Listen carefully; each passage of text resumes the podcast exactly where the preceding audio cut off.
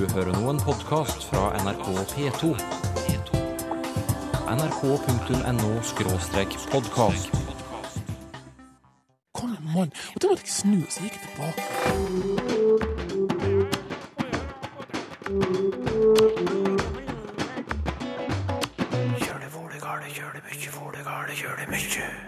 Kan det stemme at folk som skarrer, har flottere engelsk R enn oss eh, andre? Og så tror jeg at folk som skarrer, rett og slett bestemmer at nei, den skarre-r-en, den er ikke engelsk nok. Jeg må legge om. Denne uken har 100 000 nordmenn støttet kampen mot særskriving. Særskrivingsfeil er gøy. Eh, Vi flirer når vi ser for oss eh, ananas som biter. Men hvorfor gir forlagene ut bøker med særskrivingsfeil? Å, det gjør vondt, vet du. Det, det gjør det. Og hvordan har vi det så i dag, Sylfest Lomheim?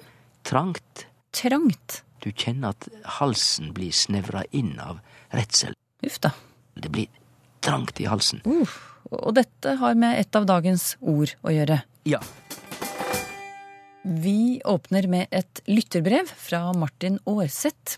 Han skriver til Språkteigen om skarre-r. Det er velkjent at mange på Vestlandet skarrer på r-ene, skriver han. Men hvorfor skarrer vi ikke på r-ene når vi snakker engelsk? Nei, hvorfor er det slik, fonetiker Jan Christian Hognestad, at folk som deg ikke skarrer på engelsk? Det gjør vi ikke, det er helt riktig. Eh, Dette henger vel egentlig sammen med et større spørsmål, nemlig hva gjør vi når et fremmedspråk vi vil snakke har andre lyder enn de vi har i morsmålet? Jeg merker f.eks. veldig ofte når jeg hører nordmenn som snakker engelsk, at de sier sånne ting som 'he is' med en helt vanlig norsk s-lyd. Men eh, egentlig er det litt feil, for den s-en skal være det vi kaller stemt. Og hvis du forteller sånne ting til en eh, språkekspert, så kunne jo vedkommende finne på å si at ja, hvis du sier sink med ustemt s, så betyr det å synke, men sier du zink med stemt s, så er det metallet s. Så den forskjellen der, den bør du sannelig prøve å eh, holde greia på. Men det gjør vi ikke. Nei. Du, det, er, det er jo greit det du sier der, men hvor bringer det oss egentlig? For det var jo skarre-r-en som var temaet vårt. Ja, eh, og når jeg nevnte S-en, så er det fordi at R-en er litt paradoksal. For S-en eh, fins det to typer av, som jeg sa. Men en R er i grunnen en R eh, på engelsk. Eh, og derfor så skulle en jo tro at om eh, en nordmann sa reading eller reading eller reading, eh, så var det et fett. Det gjorde ikke noe. Men som eh, Martin Aarseth ganske korrekt sier, de som skarrer, de legger om. Ja, for det, at det du, Poenget ditt nå, som jeg forstår det, er at om du sier r-en sånn eller slik, så forandrer ikke ordet betydning. Men det kan det gjøre om du har en stemt eller ustemt s. Det er riktig. Ja. Eh, Det ville, i, I verste fall ville det bare føre til litt sånn støy i kommunikasjonen, men, men, men ikke noe veldig vesentlig, vil jeg tro. Ja, men, men dere som skarrer, hvorfor legger dere om r-ene deres da, når det ikke er nødvendig? Ja. Eh, jeg tror at eh, det der med stemt og ustemt S og ord som skifter betydning, det er typisk sånn språkforskerting. Folk flest, tror jeg, vurderer det vi kan kalle den språklige overflaten. Høres denne lyden tilstrekkelig engelsk ut? Høres jeg engelsk ut når jeg gjør sånn og sånn? Og så tror jeg at folk som skarrer, rett og slett bestemmer at nei, den skarre-r-en, den er ikke engelsk nok. Jeg må legge om. Men hva med oss som har såkalt rulle-r? Er, vi like flinke til å produsere engelske r-er? Nei, etter mitt syn, det er jo et ja-nei-spørsmål, og mitt svar på det er faktisk nei. Eh, jeg mener å ha observert at veldig mange med rulle-r gjør akkurat det samme som jeg nevnte med de to eh, s-ene. De bruker bare sin vanlige norske r, sin vanlige norske, kanskje østnorske rulle-r, og tenker den er tilstrekkelig engelsk til at jeg ikke trenger å skifte den ut. Og så skifter den ikke ut. Nei. Det... Ja, jeg må innrømme at jeg har hørt noen sånne eksempler, da. Ja. Ja, jeg har det. Mm. Og eh, hvis jeg eh, kunne få bidra med et sjøl, så eh, har jeg lagt merke til at skuespilleren eh, Pål Sverre Hagen, som jo blir Tor Heyerdahl i eh, Kon-Tiki-filmen, han gjør akkurat det. Han er jo egentlig rogalending. Og en skulle jo kanskje da tro at når han skal snakke engelsk i filmen, så ville han bruke de vanlige rogalandsstrategiene sine, men nei da, det gjør han ikke.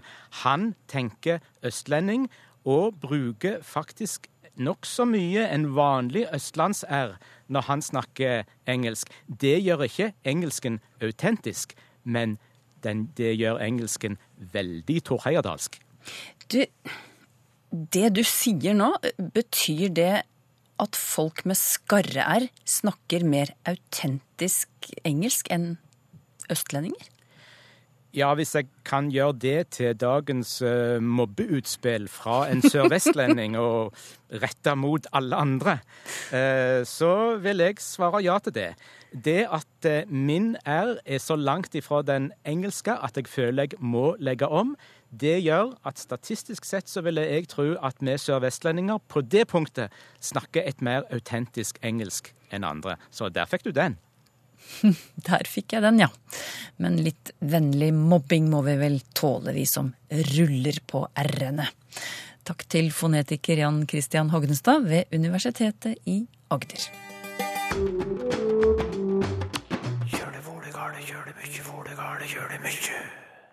Særskriving er et tema som engasjerer nordmenn for tiden. I alle fall målt etter oppslutningen om den nye Facebook-siden som komiker André Ulvesæter har opprettet.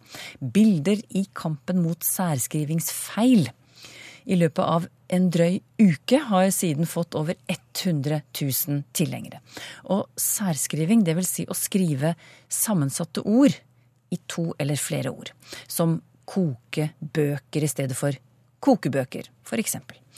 Kristin Andvik Hoaas, du har jo studert dette fenomenet. For fem år siden skrev du en masteroppgave om særskriving blant elever i videregående skole. Hvorfor er dette et tema som tydeligvis opptar oss? Særskrivingsfeil er lett å legge merke til, eh, i hvert fall hvis du vet hva som er riktig sjøl. Og det kan gi en god følelse å påpeke feil hos noen andre når vi får det til sjøl. Jeg eh, har forsøkt å sparke i gang en Facebook-gruppe mot kommafeil, men jeg har ikke fått noen respons på det. Eh, og det er nok fordi at kommafeil er ikke noe morsomt. Det skaper ikke noe komikk, men særskrivingsfeil er gøy. Eh, vi flirer når vi ser for oss eh, ananas som biter, eller at det var mye lamme lår på påskefjellet. Men du, noen, noen mener at det har blitt mer særskriving med årene? At det er flere som gjør feil her? Har du det inntrykket? Det, det, er veldig vanskelig å svare på, for det har ikke vært gjort noen grundige undersøkelser over tid. Mm. Men mange språkvitere sier at uh, dette er det mer og mer av. Ja. Um, jeg har vært norsklærer i noen år uh, og har ikke sett noen utvikling på de årene. Men uh, ja, det er mye feil. Mm. Du har, som jeg nevnte, da, skrevet en masteroppgave om temaet særskriving. Eh, og nå, nå sier du at du er norsklærer, du underviser ved Norges toppidrettsgymnas på Lillehammer. Hvordan takler eh, morgendagens voksne sammensatte ord når de skriver, slik du opplever det i dag med dine elever? Eh, de fleste gjør det meste riktig. Det er den gode nyheten. De fleste elevene skriver de fleste sammensetningene riktig. Og veldig mange har lite feil. Og det er jo gode nyheter, ja. ja. Men, men, de som skriver feil, hvilke er de vanligste særskrivingsfeilene? Ofte så De som særskriver mye, i hvert fall, de deler lange sammensetninger. Som eh, bildebehandlingsfunksjoner eller frigjøringskamp eller kontrollpanel. Eh, og de deler òg eh, ofte sammensetninger hvor ett av leddene er tall eller forkortelser eller navn, som 50-tallet, DVD-brenner eller eh, Lillehammer skole. Mm. ofte så bruker vi òg engelske ord som en del av norske sammensetninger, som i widescreen-skjerm. Og da er det veldig mange av elevene som vil sette inn et mellomrom mellom det som de tenker på som et norsk ord og det engelske ordet. Men mer vanlige ord, da? Har du noen eksempler der som går igjen? Det er mange òg som deler eh, eh, sammensetninger med forsterkende forledd som kjempestilig og superbra. Ja. Eh, dette er ord som vi leser lite i aviser fordi det er et ordvalg som hører til ungdommen, kanskje. Men veldig mange av elevene mine har vanskelig for å godta at disse skal skrive sammen, mens andre ordgrupper, da, som veldig stilig og utrolig bra, er fraser som skal ha mellomrom. De ser ikke helt forskjellen. Nei, akkurat. Men, men hvilke tanker har du gjort deg, altså, sånn som elevene dine, de som da har særskrivingsfeil. Hvorfor? Hvorfor deler de ord som ikke skal deles? Det er jo fordi at de tror det er riktig, da. Um, Men hvor har de det fra? um, ja, når det gjelder disse sammensetningene som DVD-brenner og 50-tallet og Lillehammer skole, så, så, gjør de det fordi at de opplever de ulike orddelene som så forskjellige at, de, at det virker liksom vondt å ha det ved siden av hverandre. De trenger et mellomrom. Og ja, Dagens ungdommer de leser veldig mye uredigert tekst, sånn at de leser veldig mange feil òg. Bare hva mener. Du, hva mener du når du sier uredigert tekst? Um, elevene mine leser uh, en del fagtekster på skolen, men på fritiden så leser de Facebook-tekster, de skriver SMS-er, skriver chatter. Um, og de forholder seg til veldig mye skrift som ingen profesjonelle forfattere eller journalister har vært innom. Ehm, så det finnes mye feil i skrevne tekster i dag. Og så er det noen som mener at eh, vi påvirkes av engelsk når vi deler ord som ikke skal deles, da? Ja, ungdommer leser mye engelsk, det gjør de. Eh, og på engelsk så er det ingen faste regler for om man skal sette sammen eller skrive hver for seg sammensatte ord, sånn som det på norsk er en helt klar regel for. Så når vi leser engelsk, så leser vi både sammensetninger med og uten mellomrom om hverandre, uten at det er en helt klar struktur i det. Mm. Men du, som norsklærer, hvordan motiverer du elevene dine til å prøve å unngå særskriving? Hva er det du snakker med dem om da, for å få dem til å skjerpe seg på det feltet? Det viktigste for meg er jo at elevene kommer ut etter endt skolegang og er i stand til å skrive tekster hvor de blir tatt seriøst. Eh, og elevene er helt med på det at eh, tekster med mye feil er det vanskelig å ta seriøst. Det trenger ikke å være så mye feil at kommunikasjonen bryter sammen, men vi opplever at folk har kanskje lagt litt mindre energi i teksten sin, litt mindre ja, ressurser i teksten hvis det er mye feil. Så hvorfor skal jeg tro på deg hvis du slurver? Elevene dine, da, hva synes de om særskriving? Vi snakket om dette før jeg dro i studio i dag. Alle var veldig engasjerte og mente at ja, særskriving det er noe vi bør få bort. Og de var ivrige etter å jobbe med det sjøl. Men når jeg spurte om noen hadde lyst til å være med og gå i tog gjennom Storgata i ettermiddag for å stanse særskriving, så var det ingen som hadde lyst til å være med. Nei, det var det, da. Hvor dypt stikker engasjementet? Det er iallfall fremdeles nok å gjøre for den som vil ta opp kampen mot særskriving. Du hørte Kristin Anvik Hoaas, norsklærer ved Norges toppidrettsgymnas Lillehammer. Her skal du se. Denne Denne her fant jeg i bokhyllen. Bokmålsordboka. Den gamle tykke gule som universitetsforlaget ga ut i sin tid. Og på forsiden står det bokmåls, ny linje, ord, ny linje, boka. Altså bokmåls, ord, boka. Kanskje spesielt rart, siden det er en rettskrivingsordbok.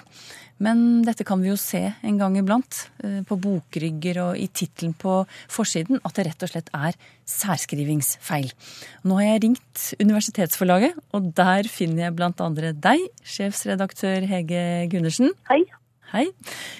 Hvorfor er det av og til særskrivingsfeil på bokomslagene deres? Det kommer av at vi eh, sender eh, omslagsoppdraget til designere. Og eh, de står ganske fritt i å utforme omslagene. Og noen av dem velger altså å bruke selve tittelen som en grafisk illustrasjon. Eh, og bruker store bokstaver og gjør spesielle utformingsgrep ja, med det. Og da hender det at eh, bindestreker tar seg veldig dårlig ut, rett og slett. Så det er av estetiske grunner. Hvordan reagerer du og kollegene dine da når designeren kommer og ønsker seg særskriving på et bokomslag? Å, det gjør vondt, vet du. Det, er, det, gjør det. Og det, vi, de er alltid gjenstand for store diskusjoner i forlaget, disse eh, omslagene. Um, fordi at eh, vi jobber jo så mye med å plukke særskriving ut av manusene. Det, vi ser jo det i økende grad i de manusene vi får inn. Uh, og så er det et paradoks som vi finner igjen på omslaget. Så det, um, det er ikke noe, noe lett, uh, lett å svelge det, altså. Har du et eksempel på et bokomslag som gjorde ekstra vondt? Det siste, uh, det ferskeste bokomslaget jeg sitter med her, det er fra i år, og det er Lars Svendsens bok 'Frihetens filosofi'. Og der har eh, designeren eh, bare brukt ordene, eh, bokstavene, til å lage et, et veldig kult omslag, syns jeg.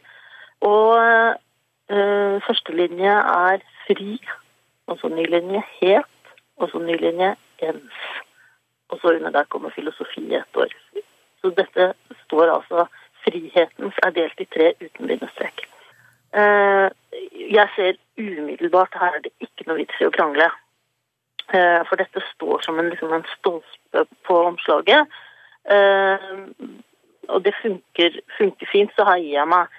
Men et annet som kanskje litt, gjør litt, litt mer vondt, er eh, Øyvind Kvalnes sine bok 'Etikk og samfunnsansvar'.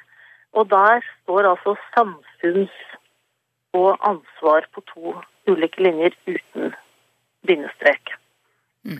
Og der er, har, vet jeg at det var diskusjoner i, i forlaget om vi skulle godta det eller, eller ikke.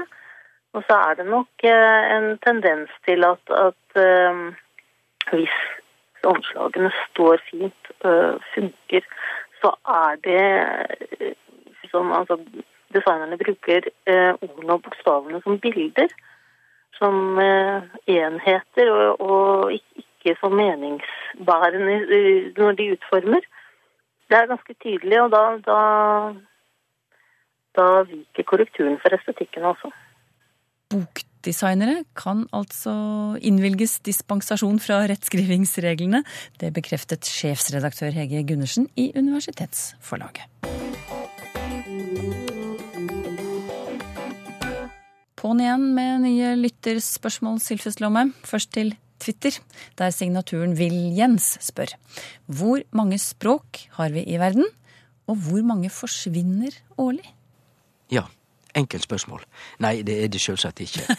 Fordi at eh, det er umogleg å vite presist hvor mange språk det er i verda. Og det henger sammen med at det av og til kan være vanskelig å vite om det er ulike dialekter av eit språk, eller om vi skal omtale noe som rett og slett ulike språk. Men det tilsies. Dei De fleste språkfolk i verda i dag sier at vi har mellom 6000 til 7000 ulike språk i verda. Og de mener også, når vi ser rundt oss, at eh, vi kan eh, konstatere ca. 30 språk dør hvert. På 100 år så blir det 3000. Og de fleste fagfolk i språk er derfor samde om at eh, i løpet av de neste 100 åra så vil sannsynligvis om lag halvparten av dagens språk dø. Men skapes det nye språk? Som Nei. Så det blir bare færre og færre og færre språk. Jon Albert Risahagen skriver Min leder uttalte på et møte i dag En engere krets har allerede diskutert dette. Burde jeg bli fornærmet, spør han. Han finner ikke noen god definisjon av uttrykket engere på nett og ikke i bokmålsordboken. Eh, Men han mener selv at eh, en engere krets det er et mindre utvalg mennesker. Men så lurer han på om det også ligger et visst, som han sier, elitistisk element i begrepet. Ja, kanskje i den forstand at eh, det er et uttrykk som jeg ikke ville bruke, for jeg har en talmåls- talemåls- og dialektbakgrunn. En engere krets ville jeg si er et uttrykk som tilhører det øvre stillag i norsk. Så det er ikke så veldig mange som bruker det. Men eh, Men han burde jo egentlig ikke kjenne seg foruretta eller fornærma, fordi at det betyr jo bare en, en liten krets, altså en avgrensa, en trangere krets. Altså nokre få har allerede diskutert dette. En engere krets har diskutert, nokre få har diskutert det. Ordet har vi ifra tysk. Og eh, på tysk er dette òg i slekt med et annet tysk ord som er også likt med det norske ordet, nemlig angst. Ang og engere krets, de to orda er i slekt. Så grunntydinga i germanske språk må være det som er trangt, smalt, innsnevra. Og det er jo derfor òg at eh, det er en fantastisk psykologi i dette ordet angst. For da kan vi tenke oss at du kjenner at halsen blir snevra inn av redsel. Det blir trangt i halsen. Da har du angst. Og til og med det gammelnorske velkjente ordet anger, som vi har i Hardanger og Stavanger, det er et gammelt norsk ord for fjord, men ikke bare hva som helst slags fjord, men en bein og trang, smal fjord. Så der har vi også samme ordet. Helge Garli vil vite hva ordet sjel kommer av, og så legger han til på fransk heter himmel ciel. Kan det være noen sammenheng mellom det franske ciel og det norske sjel? Det er jo sjelen som kommer til himmelen, skriver han. Mm, kanskje jeg burde ta det siste aller først, om det er noe samband mellom norsk sjel og det franske ciel. Eintall og i fleitall sjø. Og da er svaret nei. Det finst ikke noe samband der. Det franske ordet ciel og sjø betyr himmel og himlane. Medan det norske sjel, det er et eh, fellesgermansk ord som ikke er i latin og fransk. Og i norsk så har vi nok egentlig lånt det, men det er lenge siden. Vi har lånt det fra tysk, eh, lågtysk, engelsk, eh, frisisk, altså lenger sør i det germanske området. Og sjølve ordet kan bety noe slikt som kraft eller ånd, eller også alvor. Men det er et gammelt ord, og vi har jo gå inn for noe med liv og sjel, ikke sant, da er det veldig alvorlig. Og eh, vi kan si at eh, i den grenda der, nei, der bor det nå bare 200 sjeler. Da er det et ord for menneske. Og vi har jo selebot, som er noe som heter gaggen for det åndelige. Eh, samme ordet i norsk sjel, altså, har vi på tysk sjele og på engelsk soul. Dette er samme orda. Men han nevnte òg Helge Garli at på latin har det et helt annet ord, nemlig anima. Det er det latinske ordet for sjel, og det ordet tyder pust eller ande. Og da begynner det å likne litt på tyinga òg til vårt germanske sjel eller soul, eller sele. Når det gjelder det franske sjel og sjø, så er det slik at der skiller franskmennene mellom himmel i eintall, og da er det sjølve kvelvinga som er blå om dagen og svart om natta, som det er snakk om. Men når de bruker dette i flertall på fransk, sjø, himlane, da er det det vi kaller eh, den religiøse himmel, altså paradiset. Du sier at det, det latinske anima betyr pust eller ånde, og da kommer jeg til å tenke på ordet ånd. Er det en forbindelse der? Du tenker på den, den heilage ande, For den hellige ånd? ja. Det er helt rett, det. Fordi at eh, vårt kristne uttrykk, den heilage ande og den hellige ånd, det går eh, attende til dette latinske ordet anima, som betyr pust eller ande. Men det stopper ikke der. Det går òg til det tilsvarende greske ordet, som også betyr pust eller ande. Så det er det som ligger til grunn for også det, den religiøse ordbruken. Ing eller ning er overskriften på en e-post fra Espen Endal. Finnes det en regel for når man skal ha ing eller ning-endelse? Heter det f.eks. avstenging eller avstengning? Ja, gjett om det finnes regler. Det, det må være avstenging. Og regelen er slik at vi skal bruke ning når det er snakk om resultat av ei handling. Og vi skal bruke ing når vi omtaler sjølve handlinga. Derfor heiter det bygging, som er handling, bygning, som er resultat av handling. Og derfor heiter det òg skaping, som er handling, det å lage til. Men skapning er et vesen, noe som er tillaga. Og derfor næringslivsfolk som snakker om verdiskapning, da bare må vi jo smile og si det, det, det er ikke det de mener, de mener noe verdiskaping. Hvor kommer uttrykket 'flunkende ny' fra, spør Per A. Sørensen. Det kommer fra tysk, lågtysk, flunke, og det betyr å blinke. Så flunkende ny betyr blinkende ny, skinende ny, altså. Og er egentlig da Det er vel bare i dette uttrykket at vi har flunka, flunkende, på norsk. Men du, jeg kom til å tenke på splitter ny. Det minner jo litt om flunkende ny også. Men Ja, det, betyr, det- betyr kanskje noe helt annet? Nei, eller? nei, nei, nei, det tyder det samme. Splitter ny er det samme som flunkende ny. Og, og splitter eh, Splitt eh, er faktisk i slekt med å splitte og dele i to. For hvis du deler opp i to, så river du av, strimler, og da kommer det nye ting. Altså du produserer noe nytt. Og splinter ny er i slekt med splitter. Så både splinter ny og splitter ny har en slags felles bakgrunn. Det som er splitta opp eller revet av, og så blir det, det da nye ting. Hei, skriver Ernst Seppola. Kan dere kanskje si litt om bruken av begrepene tidsnok og i tide? Eksempel han kom tidsnok, og han kom i tide. Jeg har på følelsen av at det er en forskjell i betydning her. Ja, det tror egentlig ikke jeg. Eh, Men i og med at det er to ulike uttrykk, så vil vi gjerne tro at det er kanskje en bitte liten nyanse. Jeg er ikke i stand til å oppfatte den nyansen. Jeg ser på han kom tidsnok, og han kom i tide, som samme mening. Men orda har litt ulik historie. For i tide, det er fra gammelnorsk. I tide, det er en kasus der. Den er en i tida, rett og slett. Han kom i tida. Det er dativ i tide, som å være i live. Liv. Medan tidsnok, der har vi et uttrykk som ikke var på gammelnorsk, men egentlig så har vi fått det seinere fra dansk-tysk. Og det er tidsgenok, altså nok tid, som har blitt til tidsnok. Har du spørsmål til Språkteigen, skriv til teigen krøllalfa nrk.no. Eller du kan skrive til Språkteigen, NRK P2, 7005 Trondheim. Du finner oss òg på Twitter og på Facebook. Når vi skal skrive, advares vi mot substantivsyken, altså det å gjøre handling om til et substantiv.